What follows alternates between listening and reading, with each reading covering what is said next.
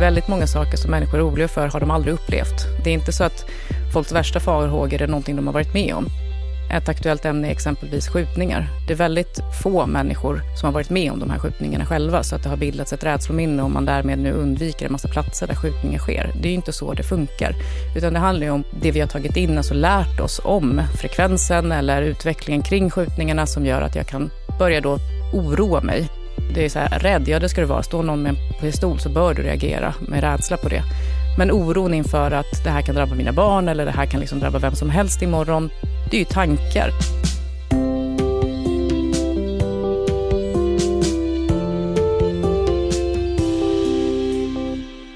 Slutligen anordnar jag såsom varande min uttryckliga önskan och vilja att efter min död pulsådrorna uppskäras och att sedan detta skett och tydliga dödstecken av kompetenta läkare intygats, liket förbrännas i så kallad krematorieugn. Ja, så avslutade Alfred Nobel sitt testamente. En önskan om att läkarna verkligen skulle vara helt säkra på att han var död. Och det ville han eftersom hans största skräck det var att bli levande begravd. Idag är det här ingenting vi pratar så mycket om, men i slutet av 1800-talet var det en utbredd rädsla som diskuterades offentligt, det här med levande begravning. Läkare tog fram riktlinjer för att säkerställa att människor verkligen var döda när de begravdes och uppfinnare byggde kistor som hade allt från periskop till nödutgångar och larmklockor. Vissa saker verkar vi lära oss att vara rädda för därför att andra är rädda och vissa saker är alla rädda för. Men varifrån kommer rädsla? Hur sprids den och vad lär vi oss av att vara rädda? Du lyssnar på Idéer som förändrar världen, Nobelprismuseets podd som den här gången ska handla om rädsla och inlärning. Jag heter Gustav Källstrand. Och med mig för att berätta mer om rädsla har jag Armita Golkar. Välkommen! Tack så mycket. Ja, hur stor del av livet styrs av rädsla? Det är svårt med en, med en siffra på det, men uppskattningsvis skulle jag säga att ganska, ganska stor del, om man tänker sig relativt vad vi själva tror.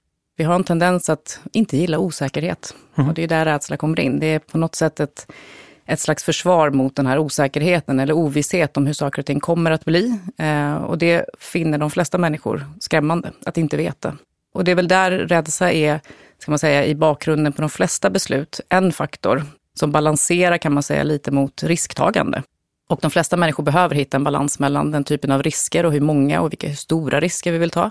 Som alltså helt enkelt är befästa med någon form av rädsla inför utfallen. Det vill säga, om jag tar de här riskerna så kan konsekvenserna vara antingen positiva eller negativa. Så i bakgrunden av väldigt många beslut så finns ju en, en slags rädsla eller eh, en känsla av ovisshet som de flesta av oss tycker är obehaglig.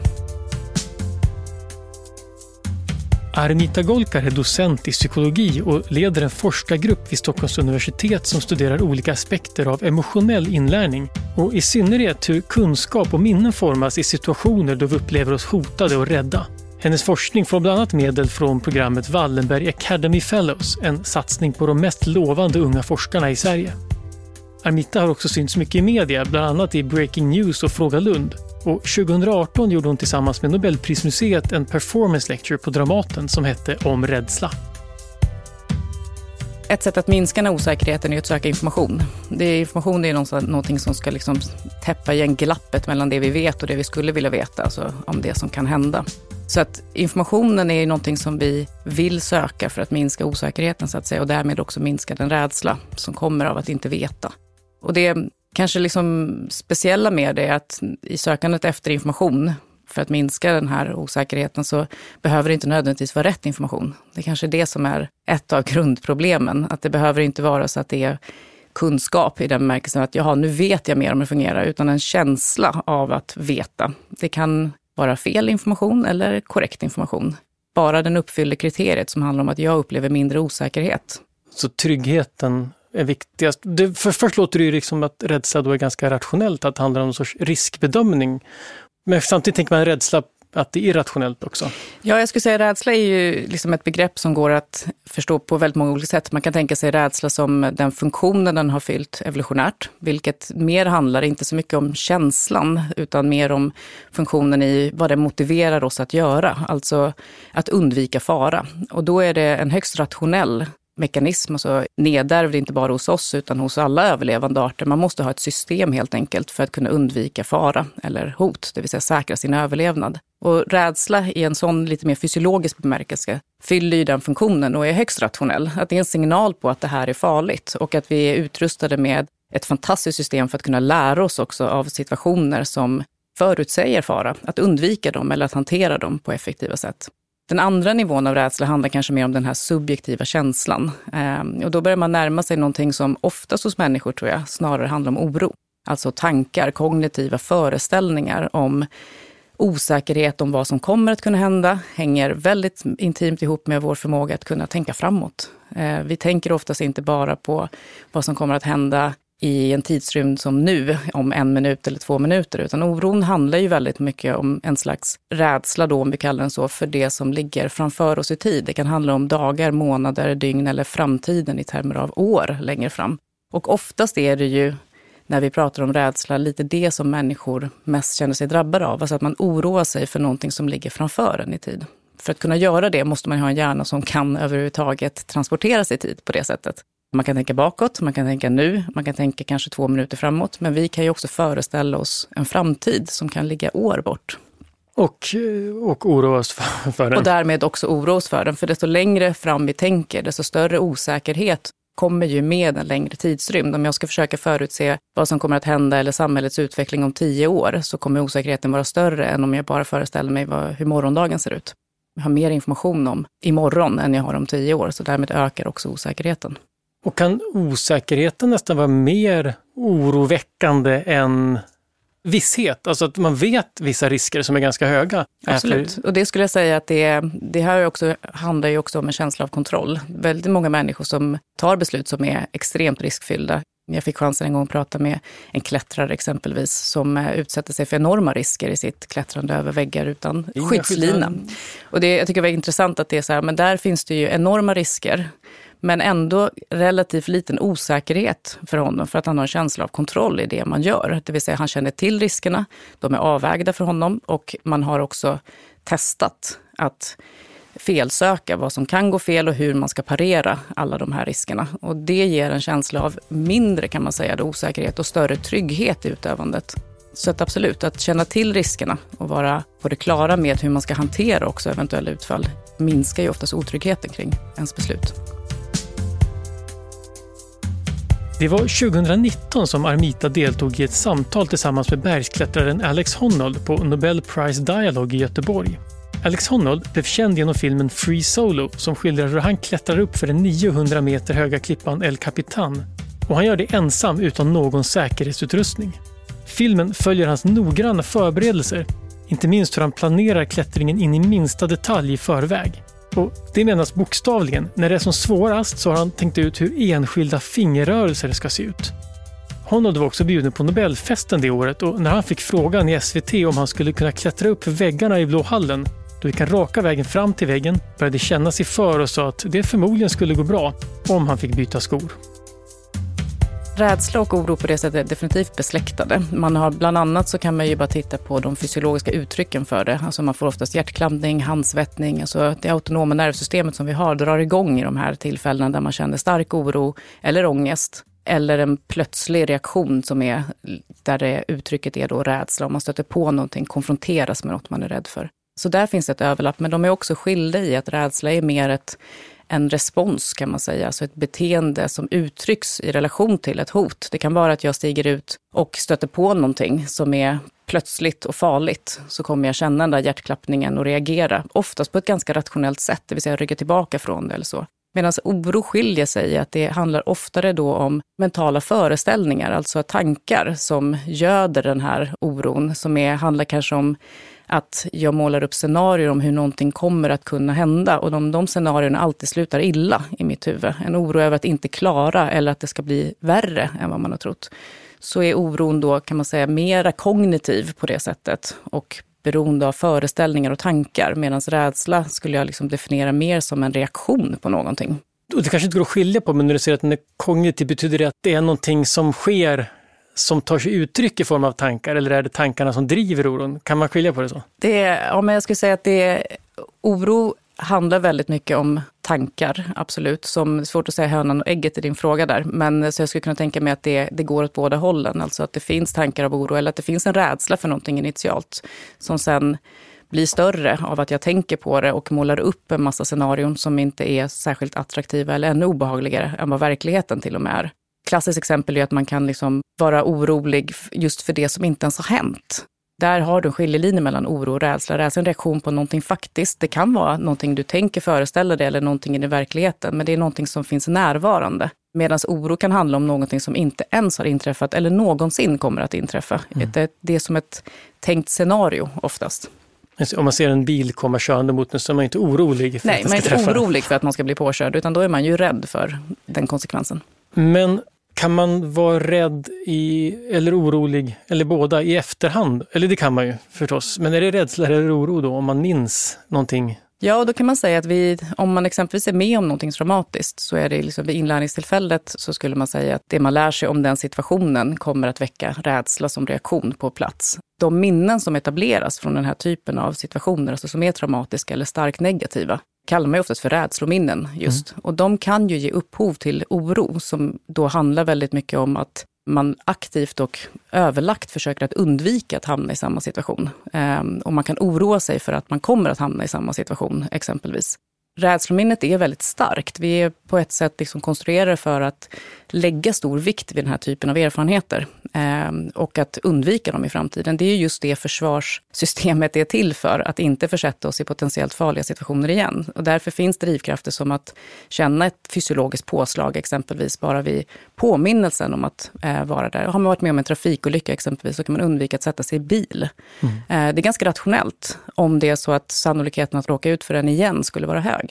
Oron tar vid när jag börjar tänka kring den här händelsen och aktivt då liksom har svårt att somna eller svårt att gå ut överhuvudtaget. Då kommer ju de här lite mer tankedrivna processerna in som både kan förvärra rädslan för det hela så att säga, men som oftast tenderar att domineras av mer då oro inför att jag eventuellt skulle kunna råka ut för en olycka igen. Man kan jämföra med andra djur som inte alls behöver vara, ha de kognitiva kapaciteten att oroa sig inför läggning, att inte kunna sova. En råtta behöver inte nödvändigtvis tillskrivas de egenskaperna, att den oroar sig för att någonting ska hända igen, det vill säga tänker på scenarion och målar upp framtida mm. händelser.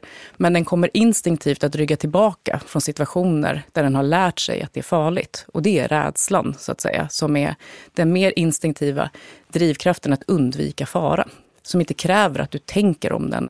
Men vi människor har ju förmågan att göra båda och därför mm. kan de också göda varandra så att säga. Precis, för rädsla eller oro kan väl övergå i rädsla även för saker som inte finns? Absolut. Alltså både sånt som inte har hänt men också saker som faktiskt inte kan hända. Jag tänker på folk rädda, eller folk, det kan väl alla, även om man vet att det inte finns så läskigt att gå på en kyrkogård mitt i natten, alltså man är rädd för spöken. Ja, det handlar ju väldigt mycket om associationer, alltså vad associerar vi till en kyrkogård? Um, om man tittar på barn exempelvis i sin utveckling så barn är oftast inte mörkrädda förrän deras föreställningsförmåga börjar utvecklas, alltså kreativitet och fantasi. För att, för att vara mörkrädd så måste mm. du kunna föreställa dig att det finns någonting som du inte kan se. Så barn brukar inte vara mörkrädda när de är ett år, eller ett och ett halvt, eller två. Men vid två, tre, fyra års ålder så börjar de att bli rädda för mörkret. Och det hänger ihop med att de nu kan också föreställa sig att det finns någonting i ett mörker som jag inte kan se. Och de börjar också bara bli rädda för saker som egentligen inte existerar. Troll eller demoner eller någonting annat. Så de här förmågorna hänger ihop. Du måste ha en förmåga till fantasi och att kunna föreställa dig det som inte finns för att kunna också oroa dig över dem.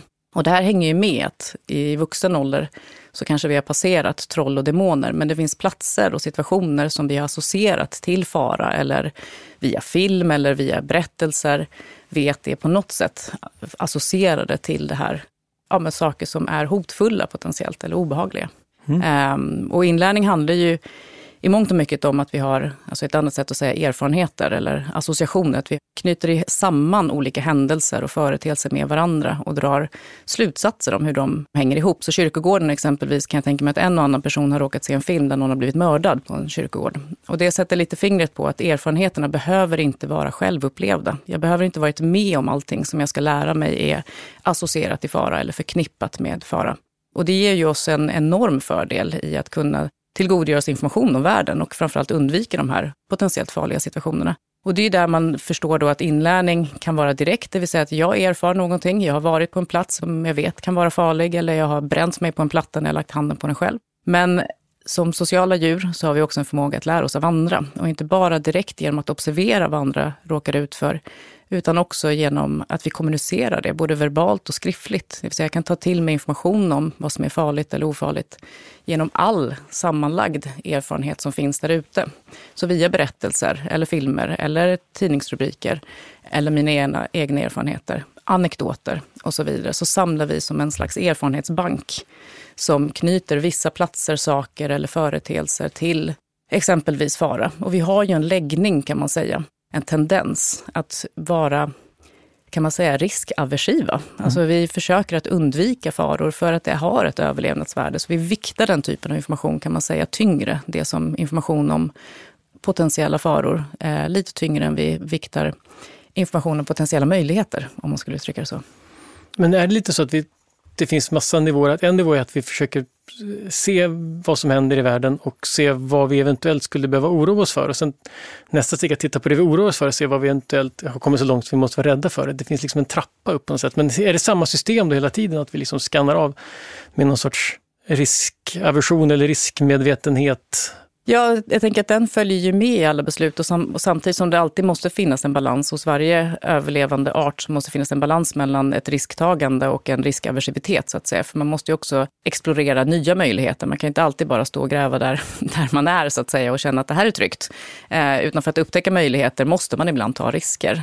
Men jag tror däremot din fråga om irrationalitet kan ju synas i hur vi värderar vad som är en risk. Och där kommer ju liksom saker som vad vi är exponerade för eller vad vi är vana vid väldigt, väldigt tydligt gör ibland våra risköverväganden väldigt irrationella. Som att köra bil i trafiken är egentligen ett ganska riskfyllt beteende. Mm. Eh, framförallt om man tänker hur ofta vi gillar att ha kontroll över möjliga utfall. I trafiken så är jag ju bara en agent eh, och om det här ska resultera i en trafikolycka kan ju vara helt utanför mina händer. Det handlar ju om hur alla aktörer i trafiken kommer att bete sig vid en given tidpunkt.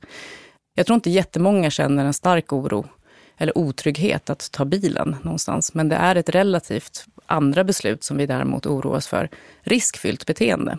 Och varför sitter vi inte och våndas över denna vanmakt man egentligen ställs mm. inför när man sätter sina barn i bilen och ger sig ut?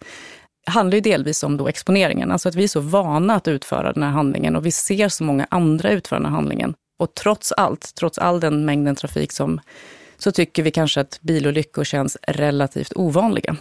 Fast det är de ju inte egentligen. Och så det handlar ju också om hur mycket information får vi om riskerna. Liksom hur mycket spelar den här vanan av att alla andra gör det och jag också kan göra det roll för att jag ändå nedvärderar den relativa risken i alla fall med att sätta mig i en bil jämfört med att flyga. Mm. Som jag tror är vanligare, att människor har en rädsla eller en oro för att någonting ska gå snett när man flyger. Det här är liksom den faktiska risken lägre eftersom flygolyckor är relativt bilolyckor väldigt ovanliga. Men vi övervärderar risken, för det är inte någonting man gör heller till vardags. Jag tar sällan flyget till jobbet. Och man vet att konsekvenserna nästan alltid är mer dramatiska. Det är som en säker död. Just det. Men det jag tänker på, för du sa tidigare här med känsla kontra funktion, att det, här, det är ett ganska funktionellt sätt att se på. Mm. Då, att det här, för att det blir ofunktionellt att vara rädd för även sånt som är riskfyllt. Men men jag tänker med flygrädsla, det är då kanske irrationellt att vara rädd för, men det finns ju en emotion, alltså det är obehagligare att, att man tänker att en flygolycka på något sätt är obehagligare. Mm. Och, är det så att den här känsla och funktion, är det som skillnad då mellan känsla och förnuft på något sätt? Jag skulle egentligen inte separera dem så, utan jag skulle säga att känsla som en väldigt, väldigt eh, basal drivkraft till att informera oss om våra beslut. Det är en del av det. Så förnuftet och känslan skulle jag definitivt aldrig dikotomisera på det sättet, utan det är för oss olika system. Alltså det är som vi väljer att beskriva dem med ord då, för att göra det begripligt för mig och dig att prata om det. Men om man tänker sig mer ur ett liksom biologiskt perspektiv, alltså hur hjärnan är konstruerad och fungerar, så är det här liksom inte frånkopplade system. Att det finns ett system för känsla och ett system för förnuft, utan det är ju nätverk som behöver samordna. För att i varje given situation vi fattar ett val så finns det en emotionell komponent. Mm. Det är ju så vi väljer att betrakta den. Men egentligen handlar det om att optimera besluten, så att säga. Och då behöver man information från olika, som vi ser då, system. Ehm, men känsla och förnuft skulle jag säga hänger ju en del av en och samma sak. så att säga. Vi behöver kunna väga in, om, jag inte, om det känns väldigt aversivt i hela kroppen och signalen är att det här är inte bra, så kan det väldigt, väldigt många gånger vara väldigt rationellt att också lyssna på det. Men det behöver inte vara det. Det finns inget facit på att bara för att det känns negativt så betyder det att det per definition är någonting du ska undvika.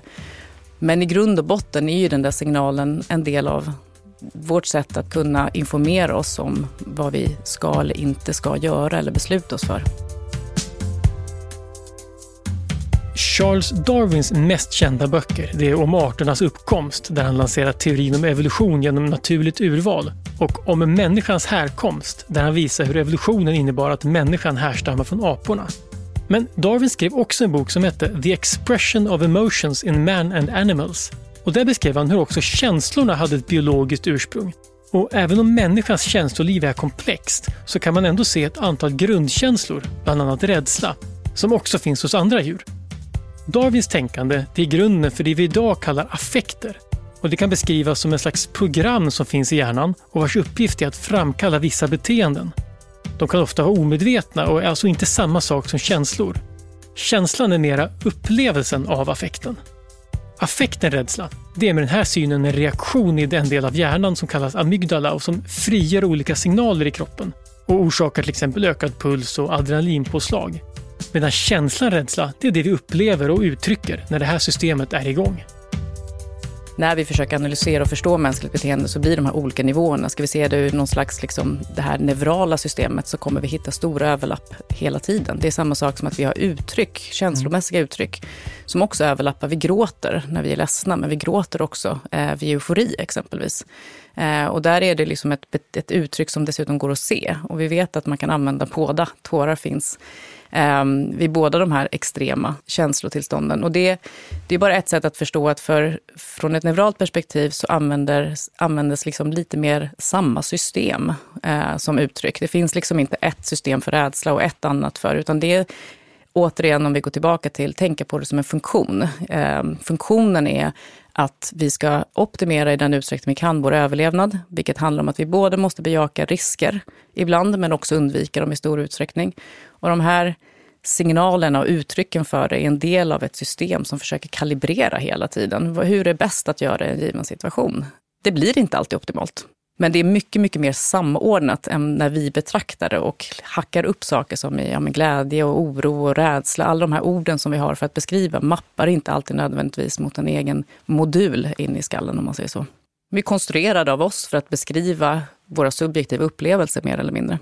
Ja, precis.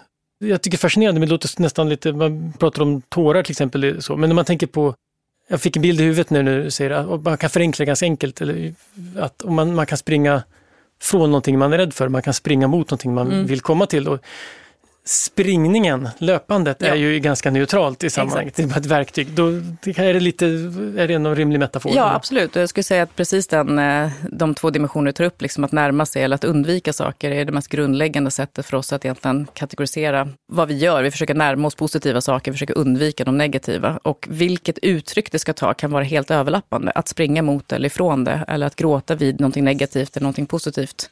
Så för att förstå ett mänskligt beteende så måste man också förstå den bakomliggande intentionen och vad som driver beteendet, för beteendet kan överlappa väldigt stort. Samtidigt tänker jag, apropå inlärning då, för vi lär ju barn att man, då visar man bilder på en glad ansikte, någon som ler och då är den glad. Mm. För att man lär, lär ju inte barnet att den här personen ler, den kan vara glad, den kan vara diabolisk, den kan, kan le för att den är generad, utan det är oftast de här enkla sakerna. Så hur funkar den inlärningen? Alltså det lär vi ju, är det helt enkelt där det börjar? Ja, alltså de sociala signalerna är ju väldigt speciella. Där, där kan man ju börja diskutera, som du sa, så här, lär vi oss allt och vad är medfött? Det finns ju väldigt mycket som tyder på att just att läsa av andra människors ansikten, eh, alltså det som är sociala stimuli, att vi har någon slags medfödd förberedelse inför att ta in de här intrycken och tolka dem på ett väldigt, väldigt gemensamt sätt. Och det också hänger ihop med eh, hur vi själva uttrycker dem redan från födseln. Ett barn har ju förmågan att uttrycka exempelvis den skriker, den gråter, den kan le efter inte så allt för lång tid. Och de här kan man då misstänka, det gör ju även barn som föds blinda exempelvis, att de är oberoende av intrycken utifrån.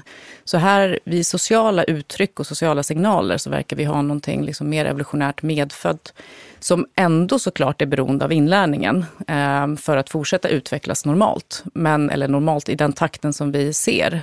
Men det är svårt att sluta sig till att det lärs in helt och hållet från scratch. För där finns det så starka tendenser på att den sociala kommunikationen eh, är mer eller mindre liksom redan preppad när vi föds. Och sen så lär barnet sig precis det som vi tar lite för givet, att man kan tolka samma, ett leende som att betyda två olika saker beroende på de övriga ledtrådarna i den miljön och i det sammanhanget, alltså i kontexten. Eh, och också att kunna avläsa att bara för att någon gör någonting så betyder det inte samma sak, för jag måste förstå intentionen med handlingen. Att göra någonting som till synes är ett snällt beteende kan ändå vara ett dåligt beteende om intentionen är en annan och så vidare. Och det är ganska komplexa saker som barn relativt tidigt, särskilt om man jämför med andra däggdjur, så är ju barnen väldigt, väldigt duktiga på att via deras eh, mer eller mindre automatiska tendens att följa exempelvis ögonrörelser så kan man läsa ut väldigt mycket om exempelvis intention. Om jag tittar åt ett visst håll men pekar åt ett annat och så vidare. Väldigt grundläggande saker. Mm. Men som är byggstenarna till det här mycket, mycket mer komplexa som vi ju utför varje dag när vi lär oss från andra människor och det, den här sociala kommunikationen. Men de anläggs väldigt, väldigt tidigt hos barn. Alltså man tänker det här med, med man ser beteenden, när man ser folk som undviker någonting. Man pratar om att barn gör ju inte som man säger utan som man gör. Ja. Det, då tänker man lätt på en spisplatta, man rycker bort handen ja. och skriker. Men jag tänker även på sociala sammanhang, det här med att det barn som går i skolan, vem som ställer sig först i kön eller hur, vilken, liksom, hur mycket sallad ska man ta till lunch? Alltså mm. det är väldigt små signaler som också skapar oro. Och... Absolut, och som barn exempelvis då som är ja, men de är ju verkligen inlärningsmaskiner. De är konstruerade med enorm förmåga till inlärning och plockar ju upp då just de här associationerna att i det här sammanhanget gör man så, med ett annat sammanhang exempelvis kan de vara väldigt flexibla att anpassa sitt beteende. Det är som exempelvis alla brukar beskriva att barnet äter absolut inte banan, har aldrig någonsin gjort hemma, men glufsar banan på förskolan. Alltså kontext igen, liksom, att här är det vissa saker som gäller och så anpassar man sig till det.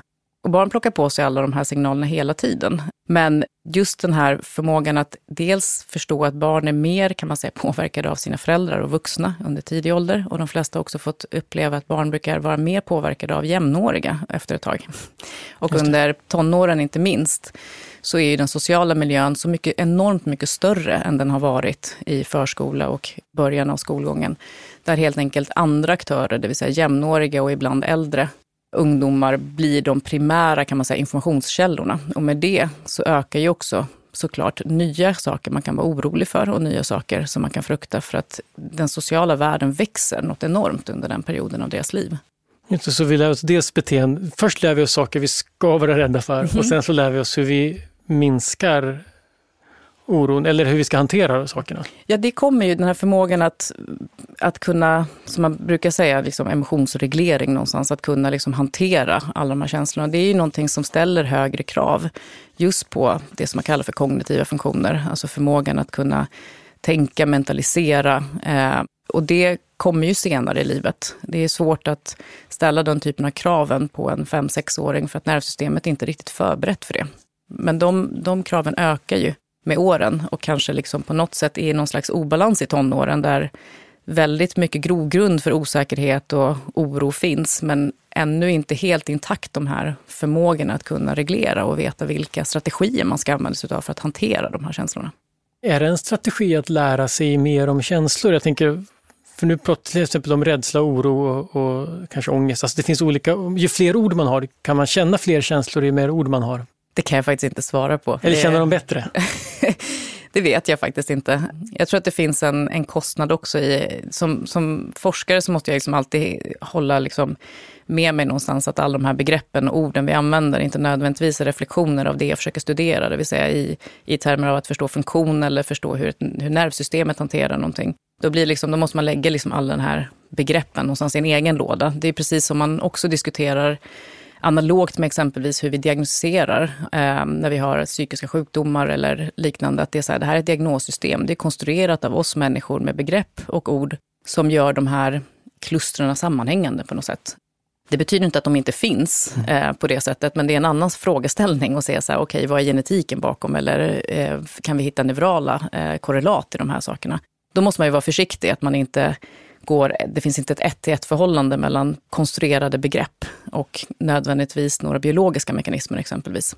Och lite samma sak är det här också. Det är svårt att veta om man har liksom en väldigt rikt ordförråd. Har man skapat större förvirring i att mm. differentiera alla de här?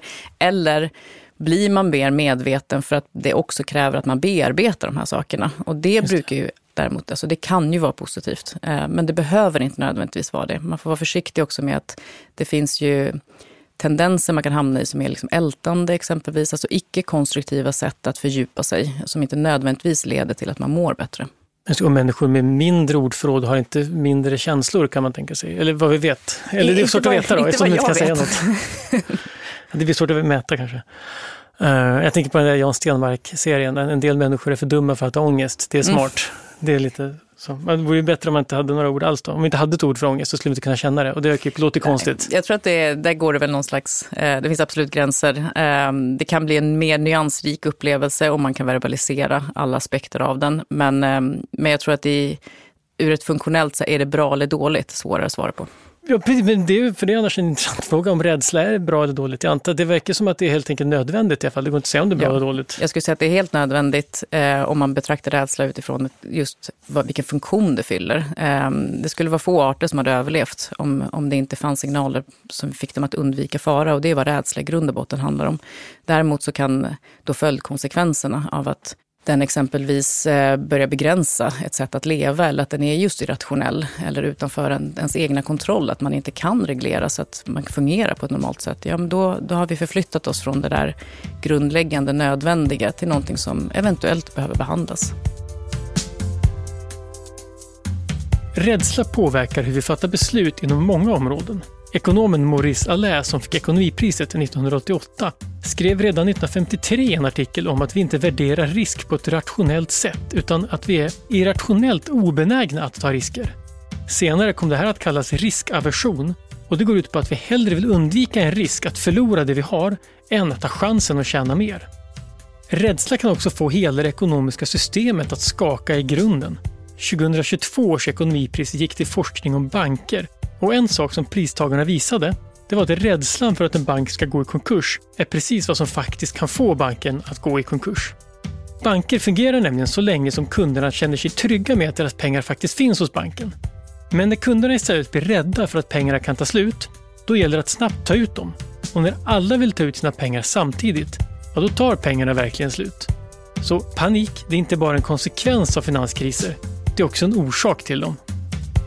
Jag har försökt se, så här, går det att svara på frågan, är vi mer rädda idag än vad vi var för hundra år sedan och så vidare. Vi har definitivt kan man ju säga att saker och ting inte var bättre förr. Så, så det tror jag att de flesta kan sluta sig till om man verkligen kollar på liksom levnadsstandarden och vad folk dog av och sjukdomar och så liknande om vi liksom går tillbaka i tiden. Um, så att det borde funnits i alla fall anledning till oro uh, och, och rädsla. Men jag tror någonstans att det är delvis, samhället kan ha förändrats det är inte jag expert på, om det faktiskt har liksom förändrats på ett sätt som faktiskt gör det mer befogat att vara orolig idag. Men alldeles oavsett om det har gjort det eller inte, för någon, i alla fall ett lokalt perspektiv, globalt har det inte blivit eh, farligare, så mycket kan man ju konstatera. Men däremot så tror jag just att information är en väldigt viktig aspekt av det här. Och att desto mer information vi har till hands, desto mer skulle man kunna tycka att det finns möjlighet då att eh, förskanska sig information och känna att man kan minska den där osäkerheten och bli lugnare och tryggare. Men det är ju inte riktigt den utvecklingen vi ser. Utan det verkar ju vara så att den här ökade informationsmängden som faktiskt till finns idag, om vi jämför med hundra år sedan, tvärtom verkar generera ännu större osäkerhet kring frågor. Och det kan ju hänga ihop med att man dels vet mer om vad som eventuellt inte är som det ska. Eh, alltså att man känner till flera, alltså allt från att veta hur många bilolyckor som de facto sker eller hur många skjutningar eller olika företeelser som kan ge, liksom vara grogrunder för att känna oro exempelvis. Men samtidigt så betyder inte alltid att det här ger en rättvis bild av hur var det då i så fall tidigare, om inte samma mängd information fanns i hands. Dessutom måste vi hantera information. Det, det är inte bara liksom, det är inte, det är inte sondmatning som bara ska... Det måste spjälkas och information måste mm. tas hand om. Och hur vi tar till oss den informationen, hur vi tolkar den och vad vi gör av den spelar en väldigt stor roll för om det här kommer bli att jag känner mig lugnare, tryggare eller större oro eh, inför saker. Och där tror jag att det finns en tendens att idag mer kanske på grund av den här tillgängligheten av informationen. Eh, dels skapa grogrund för att känna en större oro inför allting som händer. Men också att man ändå har det här behovet att om jag bara kan förstå varför det går som det gör, så kan jag liksom minska den här osäkerheten. Det gör ju tillfälligt en lite tryggare. Om jag mm. vet varför det går åt helvete i samhället, mm. så borde man ju lugna sig vid det. Men det tycks ju vara som att det där är liksom en kanske kortsiktig lite bot. För att nu vet jag åtminstone vems fel det är, eller vilkas fel det är, eller vad det är som orsakar det. Men så länge du inte kan förändra så känner vi ändå en vanmakt inför att jaha, nu vet jag vad problemet är, men jag kan inte nödvändigtvis förändra eller ta bort det här problemet, vilket ändå sätter oss i en situation där vi kanske då är oroliga över att nu ser jag varför allting går snett och det kommer fortsätta göra så här och så kan man fortsätta måla upp scenarier om hur illa det här kan tänka sig bli. Är det att gå dit från rädsla till oro på något sätt? Man är rädd ja, för något, och, och det är och sen... det jag tänker att rädsla och oro skiljer sig väldigt mycket. Att oro är ju mera just de här tankarna kring att om jag ser en utveckling som jag befarar är illa och om jag då börjar tänka kring alla scenarier om hur illa det här kan bli så kanske jag ett riskerar att måla upp en värre eller sämre bild av verkligheten i extremen att vara rädd för någonting som inte finns. För det är inte säkert att allt det här är sant. Eh, information måste också filtreras genom den här lilla sanningsmaskinen som vi inte har. Eh, stämmer det här verkligen? Eller är det här bara en, en del av en verklighet och jag har inte all information? Det gör att vi kan liksom på, på ett sätt infinna oss i någon slags falsk trygghet om att vi vet vad, vad problemet är. Men trots allt så verkar ju folk må sämre av allt eh, som de då befarar ska kunna hända. Men man hör ju ibland det här med att, man, att vi lever i vår egen värld och filterbubblor och sånt där, att man är liksom låst. Men det låter ju mer som att det är jobbigt att vi att det inte är det som är problemet, utan det är problemet att vi vet för mycket eller ser för mycket. Jag tror, precis, jag tror att de där två, det finns ju forskning på det här, det är ju bägge sidorna av det, filterbubblan.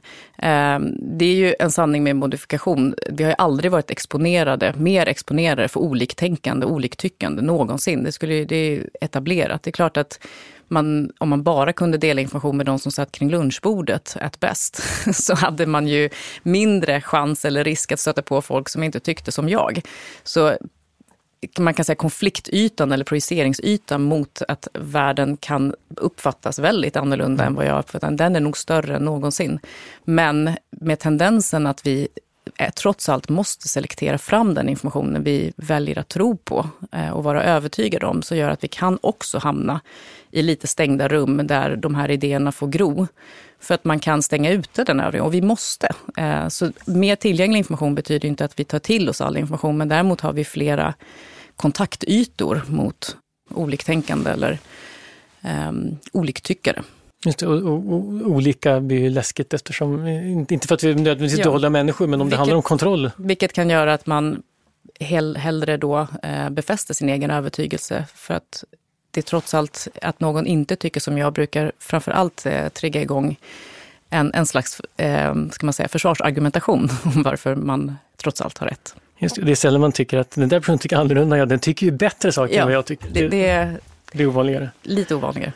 Men när vi är rädda eller oroliga i det här fallet kanske mer, lär vi oss också sämre då? För då skulle vi behöva kanske fundera på saker. Är vi sämre på att ta till oss den här informationen när vi är, när vi är oroliga? Ja, man kan säga att det, är vi blir bättre på att vara uppmärksamma och bejaka just den informationen som styrker att det här är farligt. Mm. Så det är lite som att man eh, sätter en spotlight på en fråga. Och eftersom faror och eh, hot är viktiga och vi har en tendens att vikta den informationen också lite tyngre, för det är bra för vår överlevnad, så blir det som att eh, sökfönstret blir smalare om någonting, vilket kan göra att vi är lite sämre på att värdera annan information som är i konflikt med den. Eh, lite enligt den här better safe than sorry, lite grann. Att man, eh, man blir man bejakar sätt att hitta information som förstärker den i att undvika det här potentiellt farliga. Och då kan man bli lite blind för nyanserna som kanske säger motsatsen. Och det är samma sak som att om vi väl har lärt oss att vara rädda för någonting så är det svårare att lära sig att inte vara rädd för samma sak än det är för att etablera en ny rädsla. Eller behålla den rädslan. Så måste vi lära om i så fall, från även saken? Ja, alltså det vi, det vi kan lära oss i en given situation om att eh, vi säger att jag går i en mörk gränd och sen så eh, händer det någonting just, just där och då. Eh, då kan man säga att det är, så här, det är ett, det är ett tillfälle som är en, ett rädsloinlärningstillfälle och känslan som kommer av det, den kan jag beskriva och verbalisera. Det är egentligen inte det primära här, att jag beskriver att jag kände si och så, utan det är att jag reagerar på något eventuellt traumatiskt och den reaktionen är ganska funktionell. Och de minnena som finns kvar av det kan motivera mig då exempelvis till att inte gå i mörka gränder eller att associera människor jag såg i den gränden till också potentiella faror. Ljud eller lukter som fanns i omgivningen. Det är de här associationerna som bygger upp ett rädslominne. Om jag ska lära mig att sluta vara rädd för, då är inte saken, att ett överfall finns ju ingen anledning för mig att sluta frukta, men däremot kanske att kunna gå i mörka gränder, om det nu är någonting jag eftersträvar. Eller att inte vara rädd för särskilda lukter, ljud eller människor som råkar befinna sig på platsen, som inte alls är nödvändigtvis är eh, indikationer på fara. Då är det via exponering, alltså någon form av nyinlärning. Jag behöver lära mig att den här situationen är ofarlig. Eh, genom att antingen försöka närma mig den här typen av gränder, eh, där jag känner mig trygg, eller människorna, eller dofterna, eller ljuden, eller vad det nu än är. Så pratar vi om nyinlärning då, att lära sig att det inte längre är farligt, eller att det inte kommer att hända någonting negativt. Då bygger det dels på att det inte händer någonting negativt för att det här ska fungera. Men också att man vet att den typen av inlärning, den här nyinlärningen, den är liksom svårare för oss. Den är mer fragil på något sätt. Eh, beror mer av kontext och tid och eh, andra faktorer som vi vet gör att man skulle kunna säga då att vi har lättare för att lära oss om faror än vi har att lära oss mm. om att saker och ting inte är farliga. Eller att det som i det här fallet en nyinlärning om att det inte längre är farligt. Det finns ett motstånd i det inbyggt. Och det måste påverka det här med oro och syn på, alltså om man då överför det till det här att se på världen, om den är farlig ja. eller inte, alltså politisk utveckling eller ekonomisk eller vad det kan vara. Ja. Så är det rätt svårt att om man väl har hamnat att det är dåligt så Absolut, och där tror jag återigen exponeringen är viktig. Det är väldigt många saker som människor är oroliga för har de aldrig upplevt. Det är där social inlärning återigen blir viktig att lyfta in. Det är inte så att folks värsta farhågor är någonting de har varit med om. Eh, ett aktuellt ämne är exempelvis skjutningar. Eh, mm. Det är väldigt få människor som har varit med om de här skjutningarna själva, så att det har bildats ett rädslominne och man därmed nu undviker en massa platser där skjutningar sker. Det är ju inte så det funkar, utan det handlar ju om vår det vi har tagit in, alltså lärt oss om frekvensen eller utvecklingen kring skjutningarna som gör att jag kan börja då, vad jag menar, oroa mig. Det är mm. så här, rädd, ja det ska du vara. Står någon med en pistol så bör du reagera med rädsla på det. Men oron inför att det här kan drabba mina barn eller det här kan liksom drabba vem som helst imorgon, det är ju tankar som börjar växa på grund av information som jag har tagit till mig. Och då blir alla de här bitarna vi har pratat om relevanta. Är all den här informationen rätt, liksom ger en rättvis bild av den faktiska risken? Har jag all information till hands för att kunna bedöma den? Vad är den relativa risken av det här jämfört med andra risker som jag tar dagligdags? Är det rationellt? Det kan det vara. Det är bara ett exempel på att alla de här sakerna vägs in och att vi sällan har varit med om allting som vi själva då eh, trots allt kan oroa oss för. Men det blir ju samma sak återigen då, att det är så här, hur, hur vanligt, hur ofta råkar jag ut för någonting som skulle kunna få mig att tänka, äh, att det här är inte farligt väl, det finns nästan inga tillfällen att lära sig av Nej. en sån rädsla som du aldrig stöter på. Varje gång något inte händer så är det ju inte en bekräftelse på att det här är säkert, det är en bekräftelse på att det dåliga har inte hänt ja, än. Exakt. så, men, men går det att lära sig att bli mindre rädd generellt eller måste man, är det bara för att man kan hantera oro mer eller mindre bra? Eh, alltså för vissa specifika, alltså har du en etablerad liksom, specifik rädsla för någonting så är det mest effektiva sättet är att exponera sig för just det. Eh, sen kan det vara svårt att liksom, gå pang på rödbetan. Man kanske måste jobba med andra ledtrådar eh, eller andra signaler eh, tills man kan liksom vara i den faktiska situationen eller med det faktiska objektet. Eh, men däremot så kan ju eh, strategier som vi var inne på, lite mer, liksom, mer kognitiva, hur man ska förhålla sig och tänka kring oro och rädsla mer generellt, absolut hjälpa en att förbereda en på att det kan finnas generella sätt att förhålla sig eh, som kan hjälpa mig i olika situationer. Men har du något specifikt som, som är problematiskt och som du undviker i en extrem utsträckning så är nog exponering för just de sakerna det mer effektivt än att tänka att det ska finnas en överspillningseffekt. Ja, vi ska börja runda av. Det finns ju hur mycket som helst att fundera på tänker på paradox, eller en dilemma. Jag läste en artikel om det här med, man pratar mycket om upplevd otrygghet, alltså vi pratar mm. om skjutningar. Det, jag läste om, om att när man in, in, på ett område inför, skickar ut information från polisen hur många inbrott som begås i det här specifika mm. bostadsområdet, så minskar antalet inbrott för folk blir mer uppmärksamma. Mm. Vilket gör att då den faktiska tryggheten ökar. Men den upplevda otryggheten ökar, folk blir rädda då för, för inbrott. Och det gör att de också agerar för den. Så att, ja, är, det liksom, är det så det är jämt, den där paradoxen? Den, den är nog ganska vanlig, ja. Och det handlar lite om, alltså, som, som du är inne på också, alltså, om det finns en plats där skjutningar har skett så finns det ju en rationell idé om att undvika den platsen. Men det finns ju också en idé om att om jag skulle ha hundra besök på den platsen så kanske rimligtvis inte någon skjutning skulle hända på någon av de hundra. Och då skulle jag ha ganska stort underlag för att lära mig att den här, det finns skjutningar och det är ett problem vi måste hantera. Men de sker inte nödvändigtvis alltid på den här platsen, så jag kan nog passera där ändå. Men vi kommer ju aldrig dit, för paradoxen är ju att jag ska undvika den platsen eftersom det har skett en skjutning där. Så det finns ingen möjlighet att lära sig att den här platsen inte är farlig. Att skjutningar kanske inte kan undvikas genom att undvika den här platsen och så vidare. Så att det, undvikandet är ju en väldigt stark ska man säga, drivkraft till att vi upprätthåller rädslor oavsett hur den faktiska verkligheten har förändrats under tiden man ser ofta att kunskap motverkar rädsla, men det låter som att det kanske, eller kanske det gör, men information ökar. Ja, jag skulle skilja nog kunskap och information och det är väldigt svårt, eh, återigen då, med, med det informationsklimat vi har, att vi också har en diskussion idag om hur ska man särskilja information från kunskap? För då kanske man behöver ibland då en diskussion om vem är experten som ska göra den här åtskillnaden och särdragningen mellan information och kunskap. Jag tror att vi tidigare kanske har varit mer benägna att tänka sig att det finns experter som kan peka. Eh, och idag, eftersom informationen är så tillgänglig för oss alla, så finns det fler experter än tidigare. Just det. Och vi är väl inte alltid benägna att lyssna på experter heller? Nej, och då finns det dessutom ett motstånd till det, men också att det blir en självutnämnd expertis. För att information har inte alltid varit, den har varit lite mer exklusiv kan man säga. Det har funnits ett fåtal kanske som har haft tillgång till den. Och nu när den är tillgänglig för alla så får vi helt plötsligt också både flera självutnämnda experter, men med det också mindre kanske tilltro till expertisen, för den är inte heller så exklusiv. Just det. Vi, ja, vi, nu sätter vi punkt, för annars kommer vi ja. prata om experter en timme till. Tack så jättemycket för att du berättade om rädsla. Det var otroligt spännande. Tack så mycket. Idéer som förändrar världen är slut för den här gången. Den här podden görs av Nobelprismuseet.